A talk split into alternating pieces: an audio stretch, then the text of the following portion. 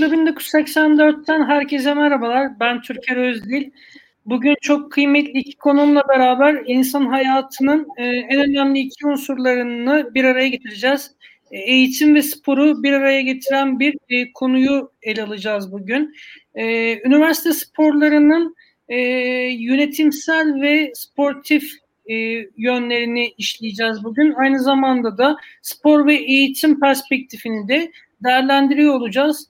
E, bugün Müslüm Hoca aramızda ve Aysel Hoca aramızda. İk, ikinize, her ikinize de hoş geldiniz demek istiyorum. Hoş bulduk. Merhaba. E, bizi kırmadınız. Bugün e, bir pazar günü bizimle birliktesiniz. Güzel bir konuyu işleyeceğimizi ve güzel bir program olacağını ümit ediyorum. E, isterseniz e, kendinizi e, tanıtmanızı rica edeceğim ben izleyenlerin sizi daha yakından tanıyabilmesi için bu şey böyle bir başlangıç yapalım isterseniz. Müslüm Hocam sizi tanıyalım öncelikle. Ben sözü Aysel'e vereyim burada ilk önce. Kendini tanısın ben sonra alalım. Hocam her zaman gibi çok kibarsınız. Ee, çok teşekkürler. Ee, ben Aysel Damar, ee, eski basketbolcuyum. Ee, çok erken yaşta basketbol bıraktım. Ee, sporcuyken de hep işin e, yönetimsel tarafında olma heyecanım vardı. 21 ee, yaşında basketbolu bir sakatlıktan dolayı bırakınca 22 yaşında Kadir Has Üniversitesi'nde spor uzmanı olarak göreve başladım. Ee, basketbol oynarken profesyonel hayatımda benim için e, eğitim çok ayrı bir yerdeydi. Ee, hem ilk öğretim hayatımda hem de lise hayatımda ve üniversite hayatımda. Bıraktığım senede zaten üniversiteden mezun olmuştum. ve bu nebzeyle de Kadir Has'ta spor uzmanı olarak göreve başladım ve hedeflerim arasında milli takım menajerliği yapmak vardı eski basketbolda basketbolcu olduğum için. E, sporcuyken milli takımlarda yer alamamıştım ama yönetimsel tarafında mutlaka olmak istiyordum. Böyle bir hedefim vardı. E, ve ilerleyen dönemlerde U16 ile U20 milli takım menajerliği e, yaptım, görevlerinde bulundum. E, Birçok spor kulübünde sportif danışmanlık, e, genel koordinatörlük yaptım. E, özellikle spor okullarında, altyapılardan e, sporcu yetiştirme e, pozisyonlarında e, çok ciddi görevler aldım. E, şu anda da hala Kadir Has Üniversitesi'nde e, spor uzmanı olarak görev almaktayım. E, aynı zamanda üniversitenin kadın erkek basketbol takımlarını çalıştırıyorum. E, bir yandan da Türkiye Üniversite Sporları Federasyonu'nun basketbol e, teknik kurulu üyesiyim ve aynı zamanda İstanbul İl Koordinasyon Kurulu'nun yönetim kurulu üyesiyim. Harika bir kariyer e, gördüğünüz gibi. E, isterseniz Müslüm Hocam sizinle devam edelim. Evet. Ee, ben 1964 Erzincan doğumluyum. Ee, İstanbul'da Etiler Lisesi ve Marmara e, Üniversitesi Beden Eğitimi Spor Yüksek Okulu'nu bitirdim. 10 ee, yıl birincilik, ikincilik, üçüncülükte profesyonel futbol oynadım. Daha sonra bıraktıktan sonra hemen öğretmenliğe başladım. Çavuşoğlu Koleji e, Darüşşafaka Lisesi'nde beden eğitimi öğretmenliğinden sonra Haliç Üniversitesi'ne geçtim. SKS'de görev aldım. Daha sonra Haliç Üniversitesi'nde Beden Eğitimi ve Spor Yüksek Okulu kurucu müdür olarak görev aldım. 8 sene orada müdürlük yaptım kurucu müdür olarak. Ee, bu esnada Haliç Üniversitesi'nin futbol takımında da çalıştırıyordum. Ee, yaklaşık herhalde bir 3 kere Türk İstanbul şampiyonu, 6 kere Türkiye şampiyonu, 3 kere de Avrupa şampiyonu olduk. Ee, bir kere de Avrupa ikinciliğimiz var. Ee, üniversite milli takımını bir kere çalıştırdım ve Kazan'daki oyunlara e, milli takım olarak, futbol olarak katıldık.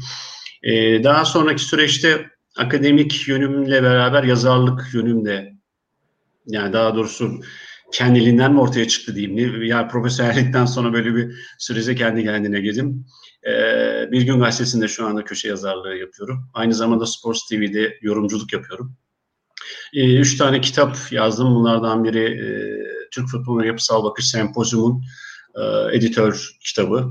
Diğeri e, çocuk ve spor kitabı. En sonunda e, futbolun kültür kodları kitabı e, olarak üç tane kitap yayınlandı şu anda.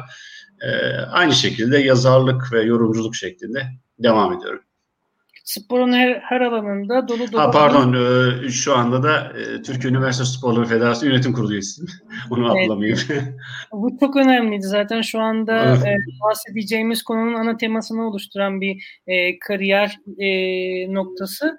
E, bu noktadan hareketle o zaman ben ilk sorumla e, başlayayım.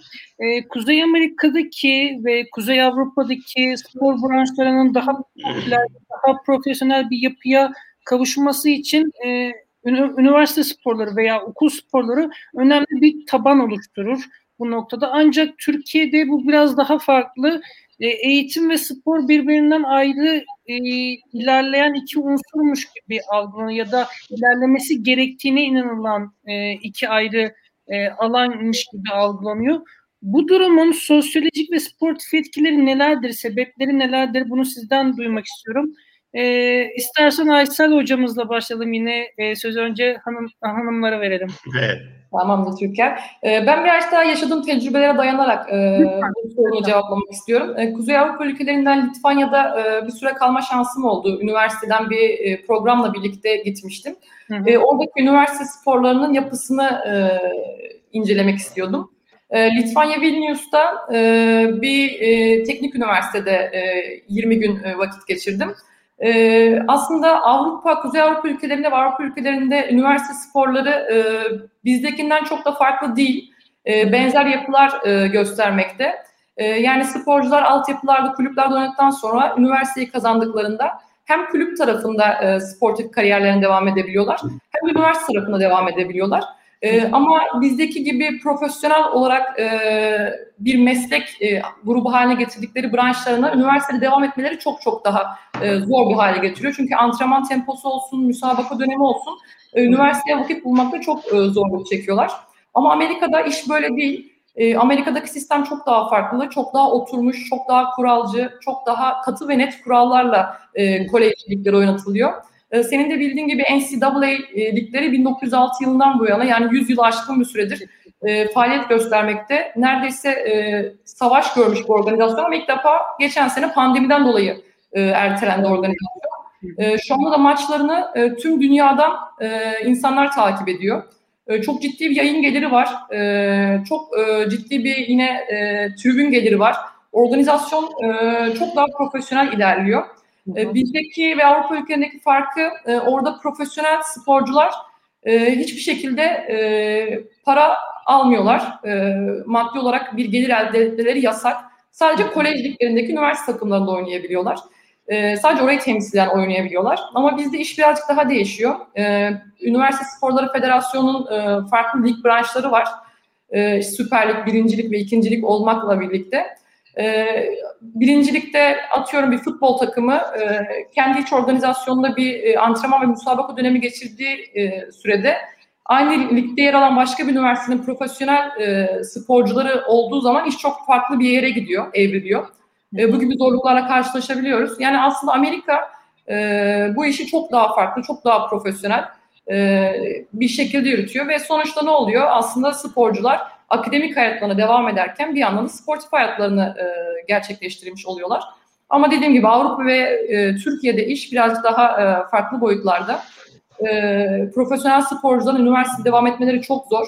E, zaten sosyoekonomik düzeyi e, düşük olan sporcular, gelir e, seviyede düşük olan sporcular profesyonel kariyere başladıkları zaman e, önlerine sunulan yüksek kontratlardan dolayı da e, üniversiteleri maalesef çok çok geri plana atıyorlar.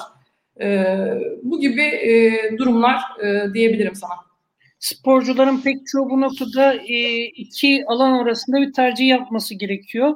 Ve birisini bırakırken birisine devam ettirmek zorunda kendilerini mecbur hissediyorlar. Peki Müslüm Hocam, Aysel Hoca biraz organizasyon yapısından bahsetti. Siz belki biraz da işin sosyolojik boyutundan da biraz yola çıkarak bize bir yorum yapabilirsiniz. Ya e, ilk önce bu sorun e, tek başına kendi içinde değerlendirmek e, çok doğru bir yaklaşım olmaz. Bana göre bu biraz da kültürel bir sorun. Hı hı. E, sporu nasıl algıladığınız e, ve toplumun içinde sporu nereye yerleştirdiğinizle ilgili bir e, konu bu. Tabii bizim e, küçük yaşlarda başlayan e, spora karşı duyarsızlık tutumumuz, e, bu duyarsızlıktaki e, kastım bir politik olarak, devlet politikası olarak da herhangi bir e, e, hiyerarşik yapıya uygun bir programın ve müfredatın olmamasından kaynaklanıyor. Artı ailelerin de bakış açısının içindeki farklılıklar e, bunu çok etken. E, tabii buradan geldiğimiz zaman beden eğitimi derslerine geliyorsunuz. Beden eğitimi derslerine geldiğiniz zaman 1938 yılında kurulmuş Beden Eğitimi Gençlik ve Spor Gençlik Müdürlüğü'ne baktığınız zaman hala o 1938 yılında kurulan sürecin e, farklı versiyonlarını ama hiçbir şekilde içerik olarak ve yapısal olarak değişmeden siyasi bir konjonktör olarak devam eden bir yapısını görüyorsunuz.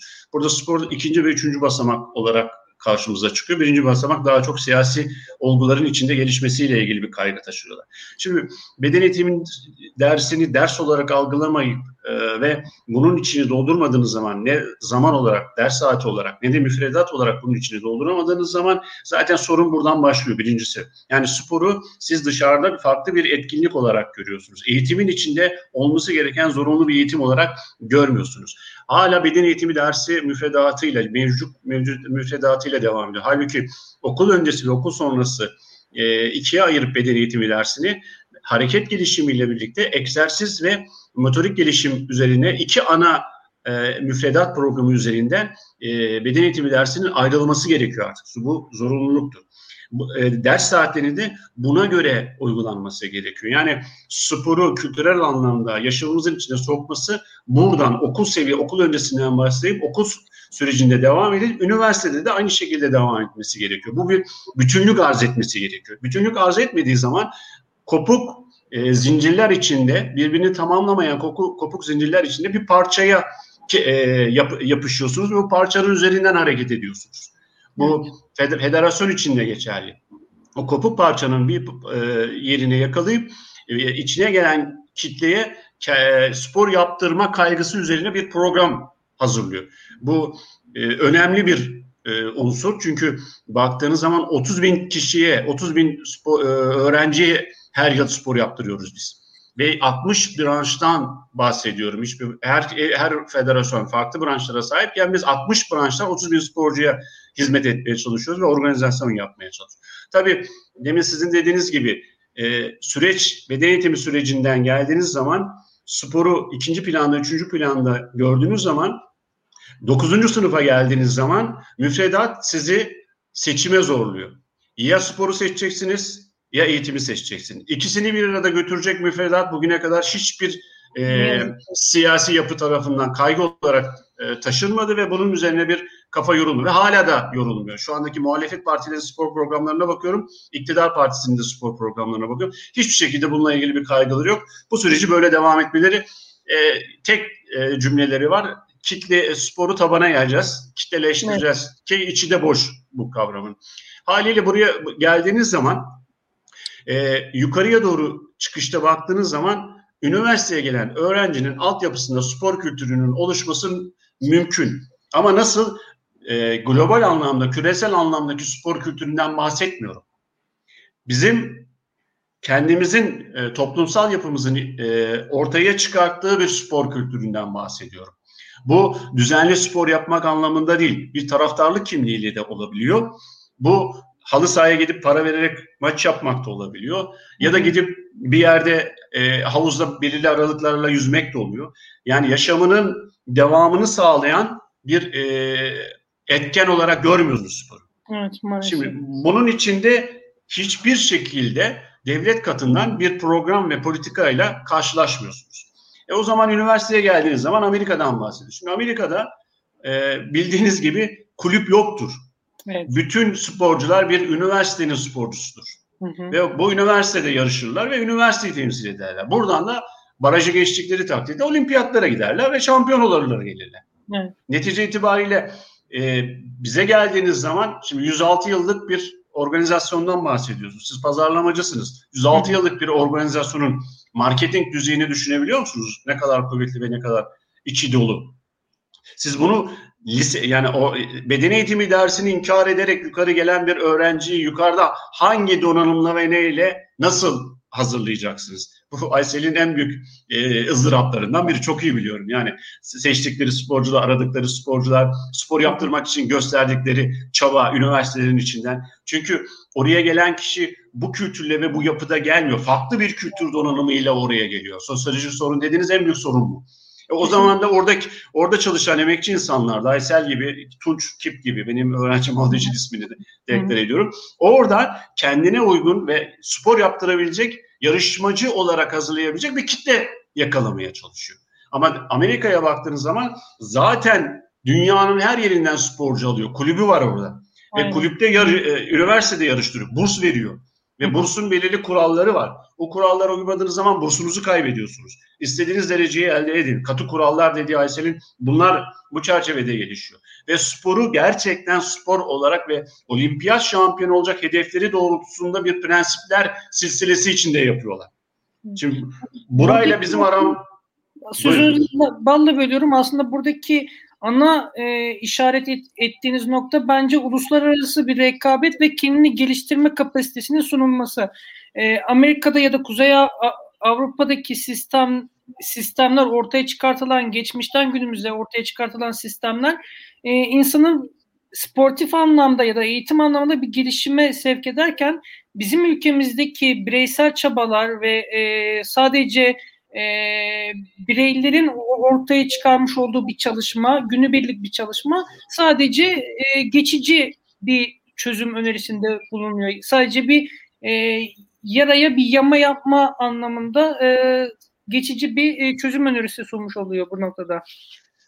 E, yani içerik olarak yani görüntü belki öyle bir şey size e, yaptırabilir ama içerik olarak baktığınız zaman üniversitelerdeki görevli arkadaşların yaptığı çalışmalar e, antrenman programları olsun, yarışmaya hazırlık dönemleri olsun, yarışmanın içeriğindeki taktiksel ve e, zihinsel tüm e, önerileri e, son derece donanımlı ve son derece içerikli.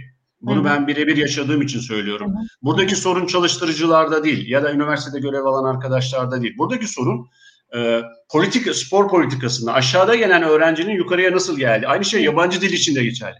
Kesinlikle. Sizin in, in, olması. İngilizce dil e, programı açıyorsunuz, hazırlık okutuyorsunuz. Eğitime geçtiğiniz zaman hazırlık okutmanıza rağmen okut, e, okuttuğunuz eğitim programına öğrenci adapte olamıyor. Ve yetersiz kalıyor. Aynı şekilde bu geçerlidir. Bu bir e, sorundur. Bu sorunun aşağıdan çözülmesi lazım. Yukarı doğru aşağıdan bir müfredat olarak gelmesi lazım. O evet. zaman biz federasyon olarak da bizim yapacağımız organizasyonlar bir marketing değeri taşıyacak pazarlaması kolay olacak, bütün kitlelere hitap edecek, isteyen herkese, sedanter öğrenciler dahil, herkese yararlı olacak. Çünkü bunun için o zaman üniversitelerin spor alanlarına, e, spor tesislerine yatırım yapması gerekecek. Yatırım yaptığı sürece de yarışmalar oraya lanse edilecek. Belirli bir yerde toplamaktan ziyade orada rekabet uzar. Rekabet dediğiniz biz daha kendi içimizde rekabet koşullarını sportif anlamda gerçekleştireceğiz.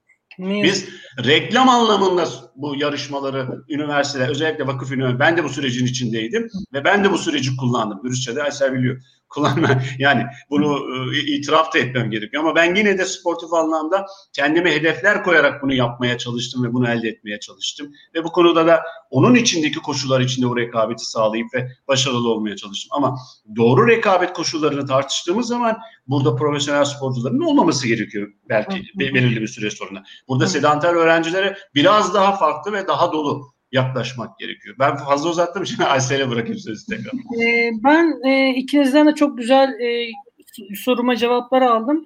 E, bir diğer sorum da şu olacak. Benim ülkemizde hep tartışılır, olması gereken ve olan anlamında. Üniversite sporlarının, okul sporlarının amatör ve profesyonel sporlara katkısı ne düzeyde şu an itibariyle? E, çünkü, çünkü bu e, az önce bahsettiğimiz nedenlerden dolayı bir noktada kısıtlı e, kalabiliyor. Olması gereken katkılar ve şu andaki mevcut katkı ne düzeydedir? Bunu sizden e, duymak istiyorum. Yine Aysel Hoca ile başlayabiliriz. E, yani amatör e, ve profesyonel sporlara katkısından çok profesyonel e, yani bu branşların üniversitelere katkısı var. Çünkü e, zaten sporcu bize geldiği zaman 18 yaşında geliyor. Yani zaten altyapıda bir e, spor eğitimi almış, bir profesyonel e, hayata adım atmaya e, hazırken geliyor. Ben birazcık daha üniversite yapısıyla bunu anlatmak istiyorum. Biz üniversitede 22 aşkın branşta hizmet veriyoruz. Federasyonumuz 60 branşta 30 bin aşkın sporcuya organizasyon düzenliyor. Ee, Müslüm Hocam'ın da dediği gibi e, NCAA'de dünyanın her yerinden sporcu gelirken e, biz e, sporcuları değil sporcu olabilecek adayları seçmek zorunda kalıyoruz bazen. e, bazen farklı branşlarda mesela korfbol branşında ben e, üniversite sporcumu hayatında ilk defa korfbol oynayarak milli takıma e, seçilmesine vesile olduk. Evet. Ya bu çok ayrı bir şey. Kürek branşında 18 yaşında çocuk hayatında ilk defa kürek çekerek milli takıma elemelerine gidebilecek seviyede kürek e, çekebilecek e, pozisyonda bir sporcu haline geldi. E, daha çok dediğim gibi hani e, birazcık daha altyapılarda yetişmiş e, çocuklar geliyor bize. E, Müslüm Hocam dediği gibi biz e, üniversitelerde bütün e, hocalarımız, bütün e, ekip arkadaşlarım ve diğer üniversite hocaları e, çok profesyonel bir yapı yürütmeye çalışıyoruz. E, üniversite çocukların hem akademik anlamda e, dersleri devam ederken bir yandan da sportif anlamda onları beslemeye çalışıyoruz. E, kimi zaman A takım e, yaşı gelmiş ama A takıma çıkamamış sporcular büyük bir hayal kırıklığıyla e, sporu bırakıyor ve o spor açlığını üniversite takımlarına doyurmak istiyorlar. E, kimi zaman da ben bununla karşılaştım. Profesyonel spor hayatı devam ederken e, şunu görüyor çocuk. Ya diyor ben evet profesyonel olarak spor hayatıma devam ediyorum. E, bu üniversite bana burs verdi. E, bugün bu üniversitelerinin yıllık ücretleri e, neredeyse bir sporcunun transfer ücreti kadar neredeyse. E, ikinciliklerde, üçüncülüklerdeki oyuncuların transfer ücreti kadar. E, ben burada da antrenman yapıyorum ve burada da bu bana yetiyor diyebiliyor ve profesyonel sporunu da bıraktığı durumlarla karşılaştık. Ama önemli olan ben her zaman şunu söylüyorum. Spor kulüplerinde çalışırken de bunun üstüne basa basa söyledim. 5 yaş grubuyla çalıştım. Çok enteresan.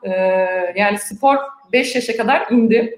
E, ticarileşme süreçleri maalesef insanların evlerine girip çocuklarını böyle e, çünkü aileler sokağa bırakamıyor. Oyun e, grupları yok. E, ne yapıyor? 5 yaşında e, spora yazdırıyor.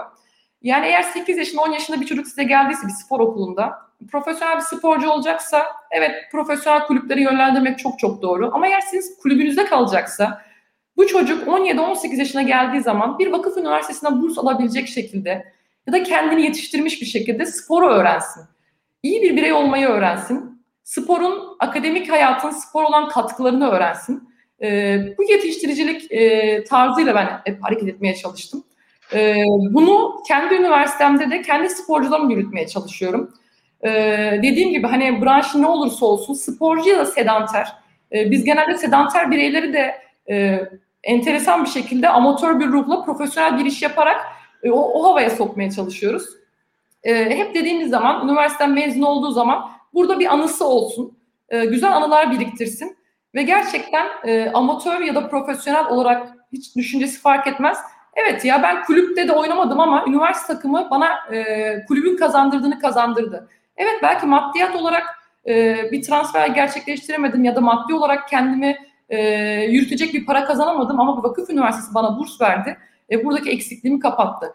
E, bu şekilde bakmaya çalışıyoruz dediğim gibi hani kimin kime faydası, kimin kime zararı var bilmiyorum ama bu faydayı sağlayacak olan da bizleriz diye düşünüyorum. Müslüm Hocam birazcık daha işin e, temel altyapısına e, inerek e, daha değerli bir açıklama yapacaktır. Yo rica ederim. Bence çok güzel açıkladın. Ee, ben sadece birazcık katkı yapmaya çalışacağım sana. Çok e, önemli konulara değindin. Yani amatör ve profesyonel sporcularla üniversitenin alışverişi e, tamamen karşılıklı kazan kazana dayalı bir ilişki var. Yani burada çünkü e, özellikle vakıf üniversiteleri e, takdir edersiniz ki bir reklam pastası var. O reklam pastasından pay almak istiyor ve orada da e, en etkili yol e, spordaki etki elde edilecek başarılar. E, birincisi bu. İkincisi de e, çocuğun üniversitede ayniyet duygusunu geliştirecek en önemli faktör gene spordur. Kesinlikle. Yani o üniversite kimliğini çok sevgi dolu bir şekilde yaşayıp bunu her yerde deklare edecek şey sporun içine girip o sürecin içinde yaşamasıdır. Bakın e, ben e, Haliç Üniversite futbol takımıyla çalışırken e, çok fazla profesyonel sporcu almamak üzerine e, kaygılarım vardı.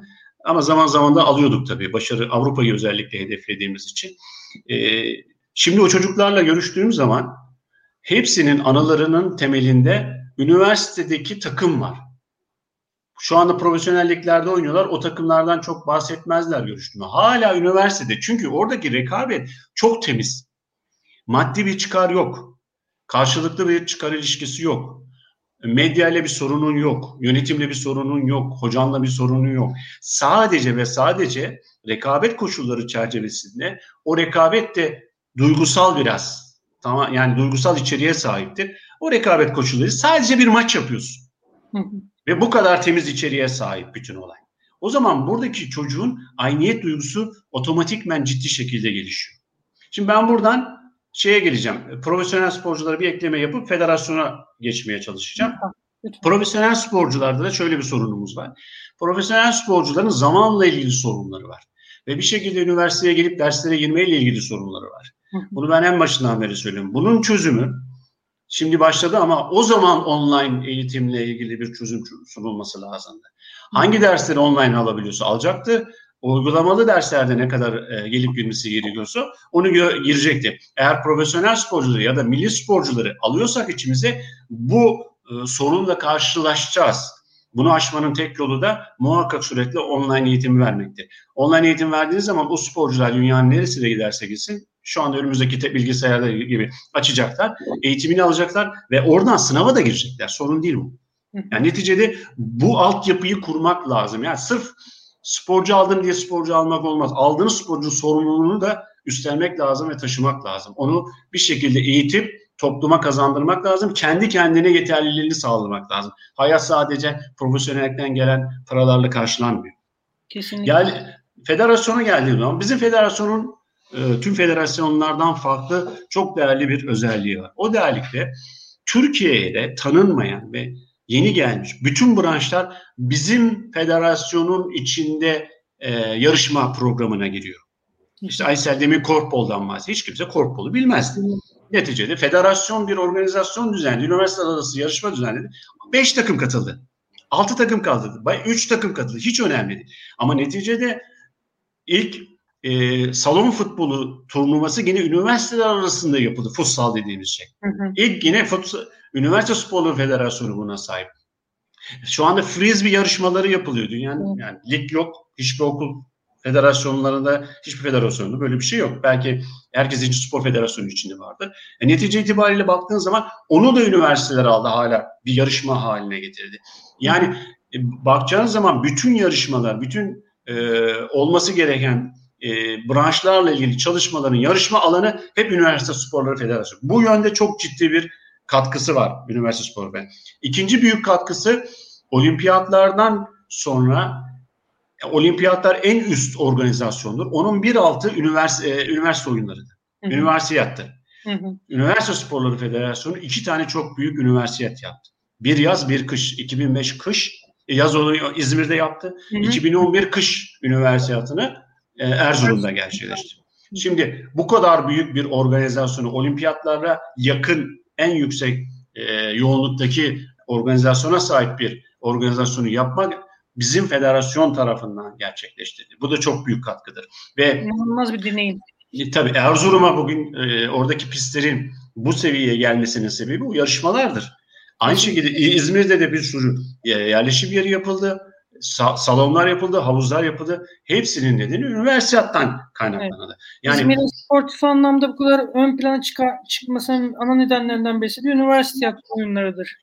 Kesinlikle katkısı vardı. Yani e, baktığınız zaman üniversite sporların federasyonunun hacminin hiç de küçük olmadığını, aksine çok büyük olduğunu, sadece çocuk e, sporcu arkadaşlarımıza, öğrenci arkadaşlarımıza spor yaptırmakla ilgili değil, aynı zamanda uluslararası yarışmalar e, düzenleyerek ve ulusal yarışmalar düzenleyerek bu spor e, alanında ciddi şekilde bir büyük hem maddi anlamda hem sportif anlamda havuz sağlamasına neden oluyor.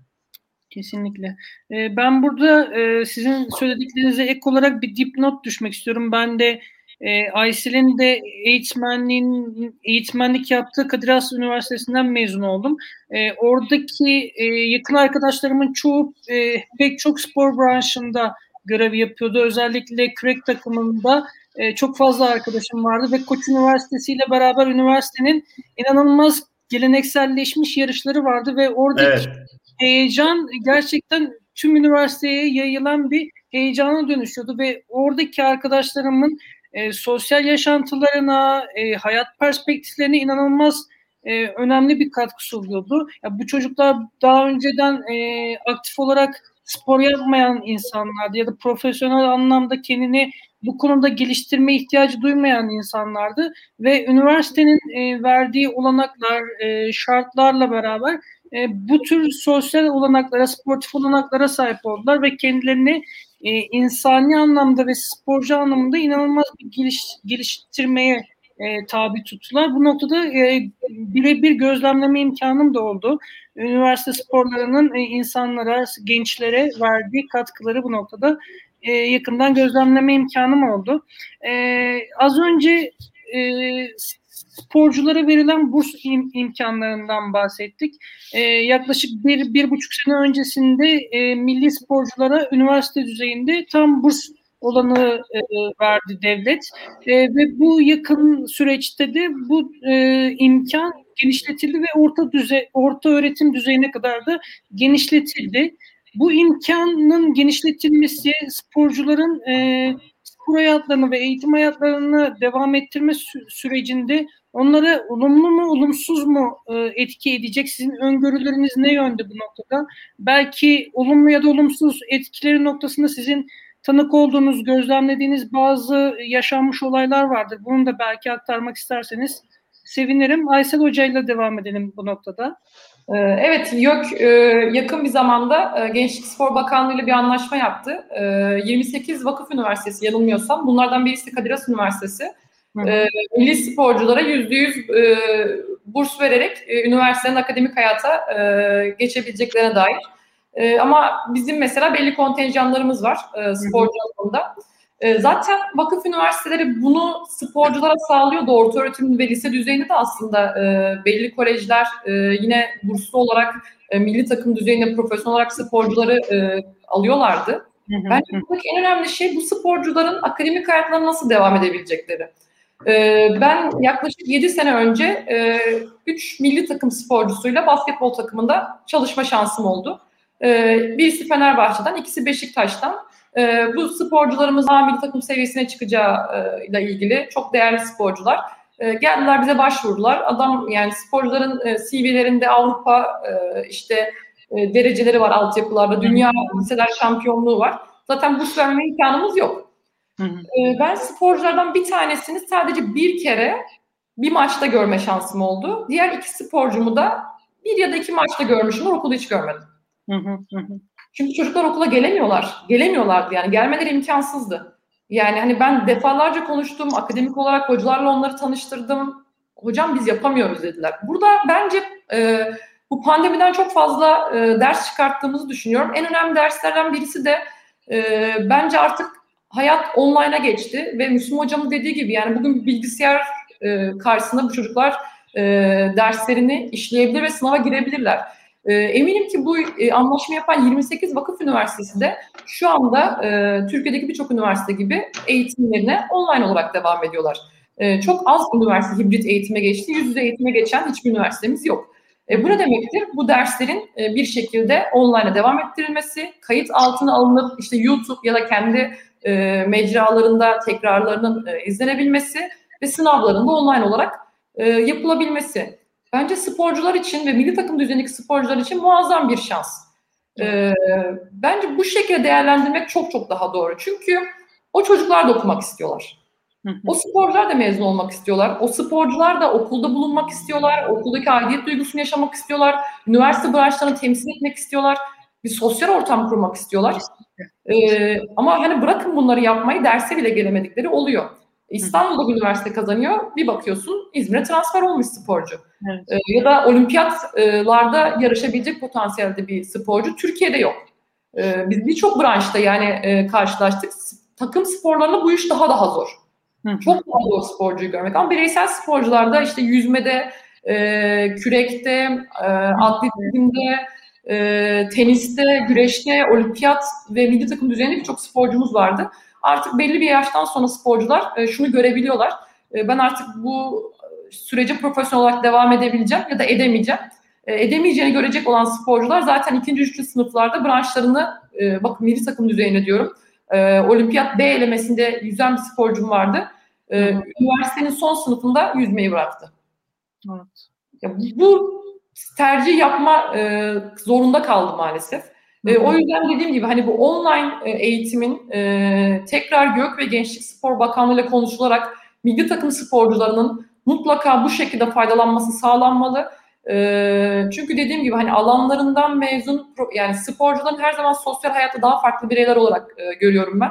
E, bu çocukların sporu bıraktıktan sonra e, akademik kariyerleriyle ilgili ya da iş hayatlarıyla ilgili mutlaka üniversiteden bir şekilde mezun olmaları gerekiyor. Yani çünkü e, nereye kadar devam edecek, profesyonel spor nereye kadar devam edecek ya da işte kazandıkları para belli bir yaştan sonra mezun olmaları gerekiyor, diplomalar olmaları gerekiyor ya da bu hayatı yaşamaları gerekiyor.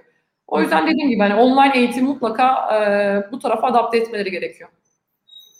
Müslüm Hocam isterseniz sizinle devam edelim. Siz de birebir e, akademik hayatın içinde de yer alan bir insan olarak e, bu imkanların genişletilme sürecini e, olumlu mu olumsuz mu değerlendiriyorsunuz ve öngörülerinizi sizden dinlemek istiyorum. Bana göre şu andaki uygulanan e, programı bir pilot program olarak kabul etmeleri gerekiyor. Hı hı. E, ve içini doldurulup e, yani e, sonuçlarının iyi değerlendirilmesi lazım. E, şu anda yani benim biraz kaygım burada bir popülist e, çıkışın olması. Eğer bu popülist çıkış e, gerçekten varsa sonuçta olumsuz olacak. Hı hı. E, tabii buradaki esas sorun çocukların kendisi. Çünkü üniversite orada hazır, eğitim orada hazır, çocuklar hı hı. oraya gidiyor ya da lise orada hazır, çocuklar oraya gidiyor. Çocuklar süreci nasıl yönetecekler? Okul hı. yani sistem buna izin verecek mi? Çocukların o süreci yönetme, yönetmeleri gerekiyor. Sistem çok fazla çocukların e, kaygısını taşımıyor. Var olan düzen içinde gidiyor. İşte bu daha evvel benim de önerim gibi, Aysel'in de önerisi gibi bir online program kaçınılmaz olarak öyle. Bu online programının havuzunun da çok geniş olması lazım. Yani çocuk başka üniversitelerden de o havuzdan ders alabilecek bir e, müfredat programının uygulanması lazım. Seçmeli dersinin farklılığı olması lazım. Tek bir üniversitenin içinde kalmaması lazım bu sürecin. Biraz daha değişkenlikler kullanılması lazım. Ee, yani çocuğun e, ders seçmesinde e, ve buna ulaşımında bir engel olmaması gerekiyor. Biliyorsunuz Amerika'da çocuk üniversiteye gidiyor ama kulübü zaten üniversite olduğu için sabah gidip yüzüyor hı hı. ya da antrenmanını yapıyor. Oradan çıkıyor, duşunu alıp dersine giriyor. Dersinden çıkıyor tekrar antrenmanına gidiyor. E, süreç bu. Yani e, sürekli Amerika örneği bizim için e, şu anda doğru bir örnek değil. Çünkü bizim öyle bir yapımız yok. Müfredat biz kendi sosyoekonomik kurgumuzu çok iyi analiz edip bunun içinde çözüm bulmak zorundayız. Ve kimse de buraya gelmiyor. Çünkü burası ciddi bir emek isteyen yer ve ciddi bir kafa yorulması gereken yer. O yüzden süreci biraz bekleyip bu çalışmanın bir pilot çalışma olarak görülmesi gerekiyor. Ama şuna eminim profesyonel sporcuların tamamının üniversite mezunu olması lazım. Çünkü bu sahada, salonda, havuzda, minderde, ringde, nerede derseniz de kendini belli ediyor. Yani bir rekabet ortamında, uluslararası yarışmalarda, olimpiyatlarda bir sporcunun davranış kodlarının neler olması gerektiği küresel kod, yarışma kodlarıyla entegrasyonuna bağlıdır. Bunu sağlayacak şey de aldığı eğitimdir. Bizim hiç kimse e, alınmasın. Bizim eğitim sürecimiz ve toplumsal reaksiyonumuz feodal kurgular üzerine e, kurulmuştur. Bu feodal kurguları da bu feodal kurgular da itaate dayalı bir yapıdır. Devlet itaati, baba itaati, hoca, hoca itaati ve bireyin özgürleşmesi ve bireyin kendi kararları üzerinde ya, e, yaptırma sahibi olmasıyla ilgili en ufak bir değer söz konusu olmamaktadır. Burada zaten sıkıntılar çıkıyor. Bu feodal yapıyı kırmak lazım. Bunun da tek çözümü profesyonel sporcuların bir şekilde eğitimlerini tamamlayıp hayatlarının ondan sonraki süreçlerine aldıkları eğitim üzerinden devam etmeleri. Aksi takdirde hepsi birer antrenörlük belgesi peşinde koşup bir takım çalıştırma derdine düşüyorlar. O zaman da antrenör enflasyonu oluyor. Antrenör enflasyonunun olduğu yerde istikrarın sağlanması ve istikrarın devamlılığın ve sürdürülebilir bir başarının söz konusu olması mümkün değildir. Çünkü arka planda farklı ilişkiler devreye girmektedir. Bu ilişkilerde son derece kırılgan sonuçlar doğurmaktadır. Benim en büyük talebim her zaman söylüyorum bunu e, Çağla Büyükarşı'ya örnek veririm hep. Çünkü e, VTA kazanan tek sporcumuz e, kadınlarda. Hı hı. E, muhakkak suretle aldığı eğitimini bitirdikten sonra spor branşlarını tamamladıktan sonra federasyon başkanı olması gerekiyor. Çünkü bir federasyon başkanı teniste VTA kazanmış olması lazım. Hı hı. Başka türlü oradaki olguyu, küresel olguyu, küresel kültür kodlarını anlayamaz. Hı hı. Muhakkak sürekli bu sürecin içinden gelmiş olması lazım. Ve işte bunun en iyi örneği jimnastik. Evet, evet. Jimnastik e, federasyon başkanı eski milli sporcu. Ve geldi başına geçti. Şu anda dünya şampiyonu çıkartıyoruz. Olimpiyatlarda madalya bekliyoruz. Eskiden ağzımıza almazdık böyle bir şeyleri. Anmamız bile sıkıntıydı. Ama şimdi geldiğimiz noktaya bakın. Şu anda olimpiyatlarda madalya bekliyoruz. Dünya şampiyonu sporcular yetiştirdik. Ee, tekrar dünya şampiyonasında Avrupa şampiyonasında dereceler elde ediyoruz. Yüzme keza yine öyle.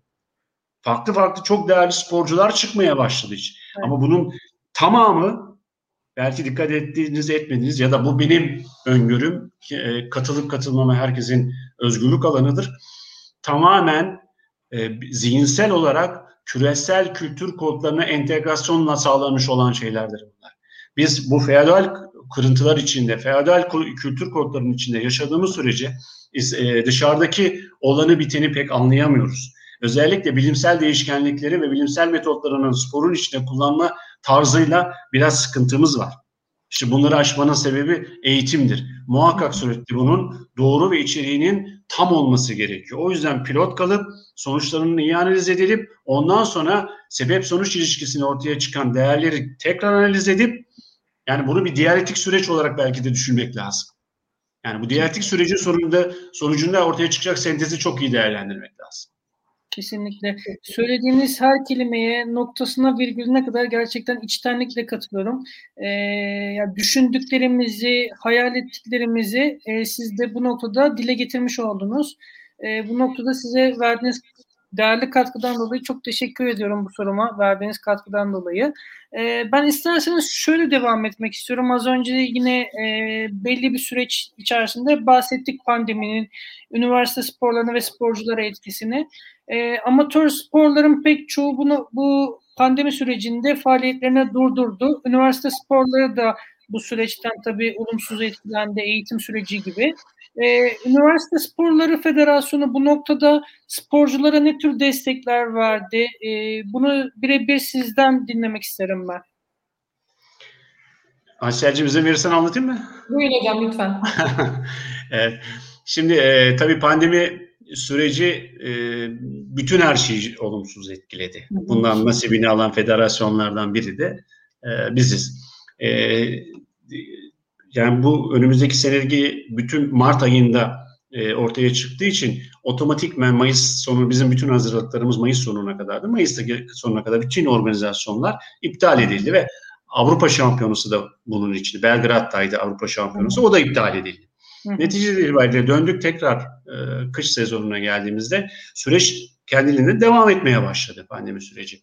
E, tekrar biz toplantılar yapıp neler yapıp neler yapacağımızı değerlendirirken e, takdir edersiniz ki e, burada bir devlet yönetim mekanizması var. Bu devlet yönetim mekanizması da evet. bütün federasyonların bağlı olduğu da bir bakanlık var. Evet. Bakanlığın genelgeleri var ve bu genelgeler üzerinden hareket etmek gerekiyor. E, tabii burada yapılacak tek çözüm e, sporcuları birebir karşı karşıya getirmeden nasıl bir yarışma programı düzenlenebilir? Bununla ilgili e, ilk faaliyetimiz yanılmıyorsam satranç olacak. Satranç online e, yapılacak. E, Satranç Federasyonu ile beraber herhalde organize, bunu yanılmıyorsam bir üniversitemiz üstlenecek ve o üniversiteyle beraber organize edecek. Bir tekrar bireysel anlamda e, okçuluk yarışması e, yapılacak online.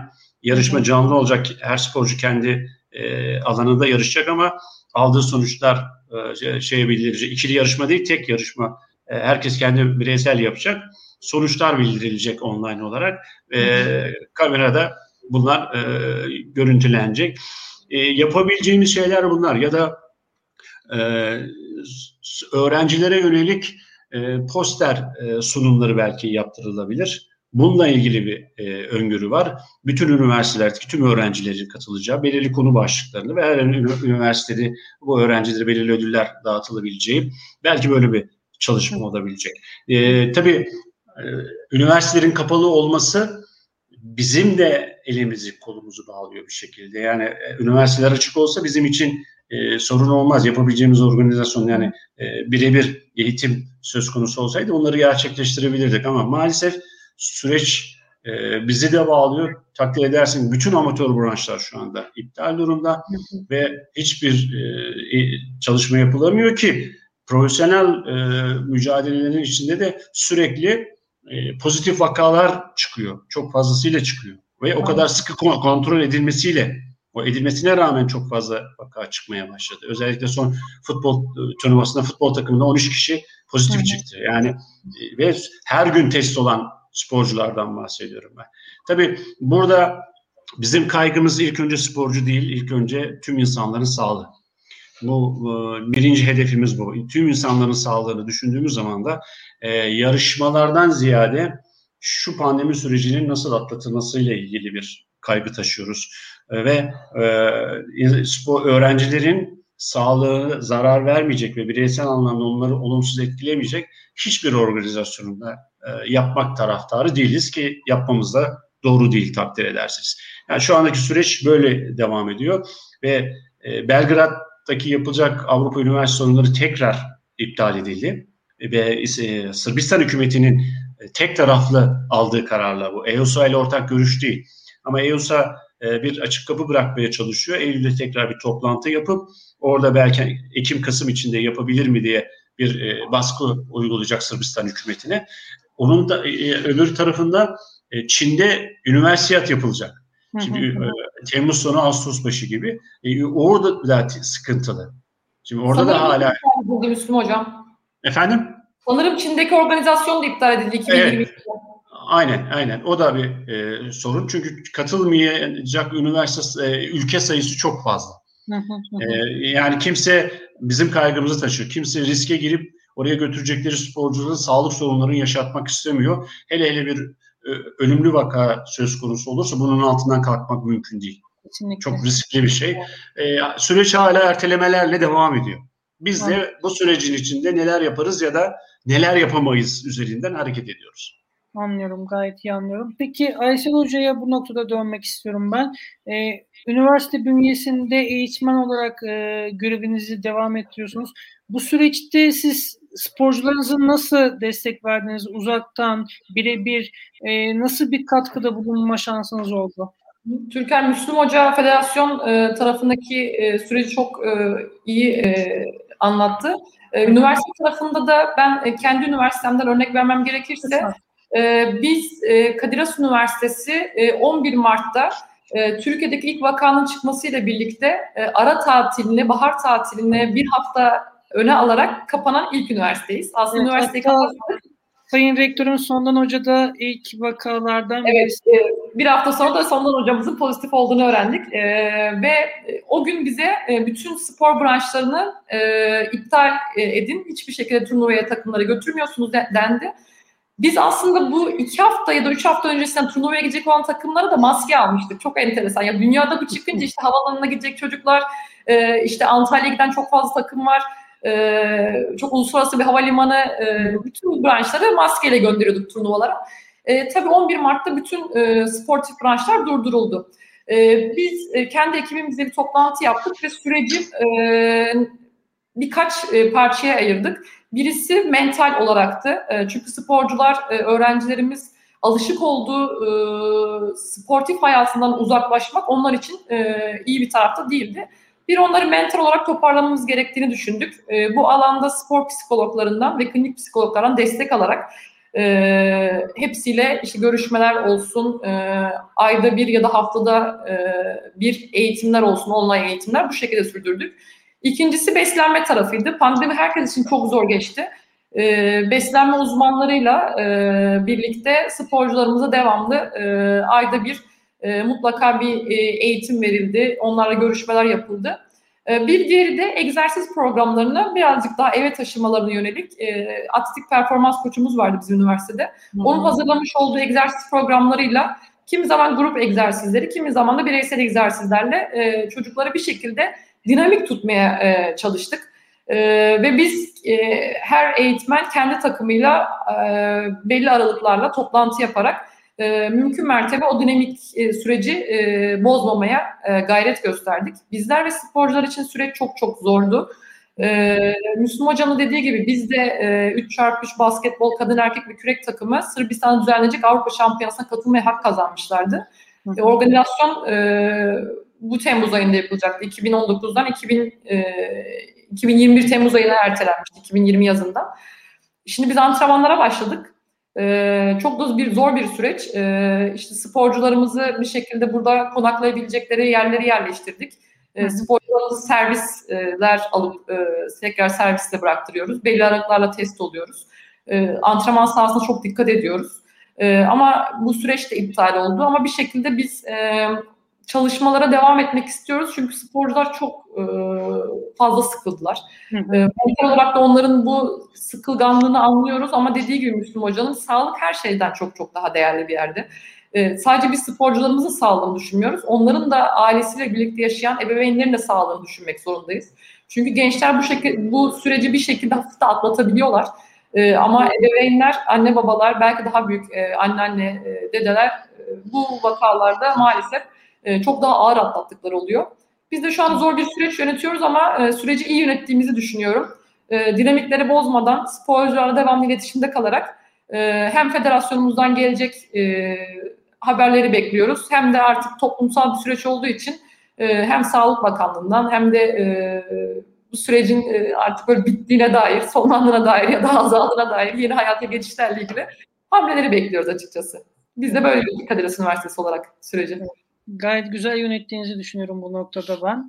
Ee, her ikinize de çok teşekkür ederim. Ee, ufak ufak e, artık yayını sonlandıracağız. Sizin eklemek istediğiniz, aktarmak istediğiniz herhangi bir mesaj, e, söylem varsa onu alalım. O arkasından da kapatalım.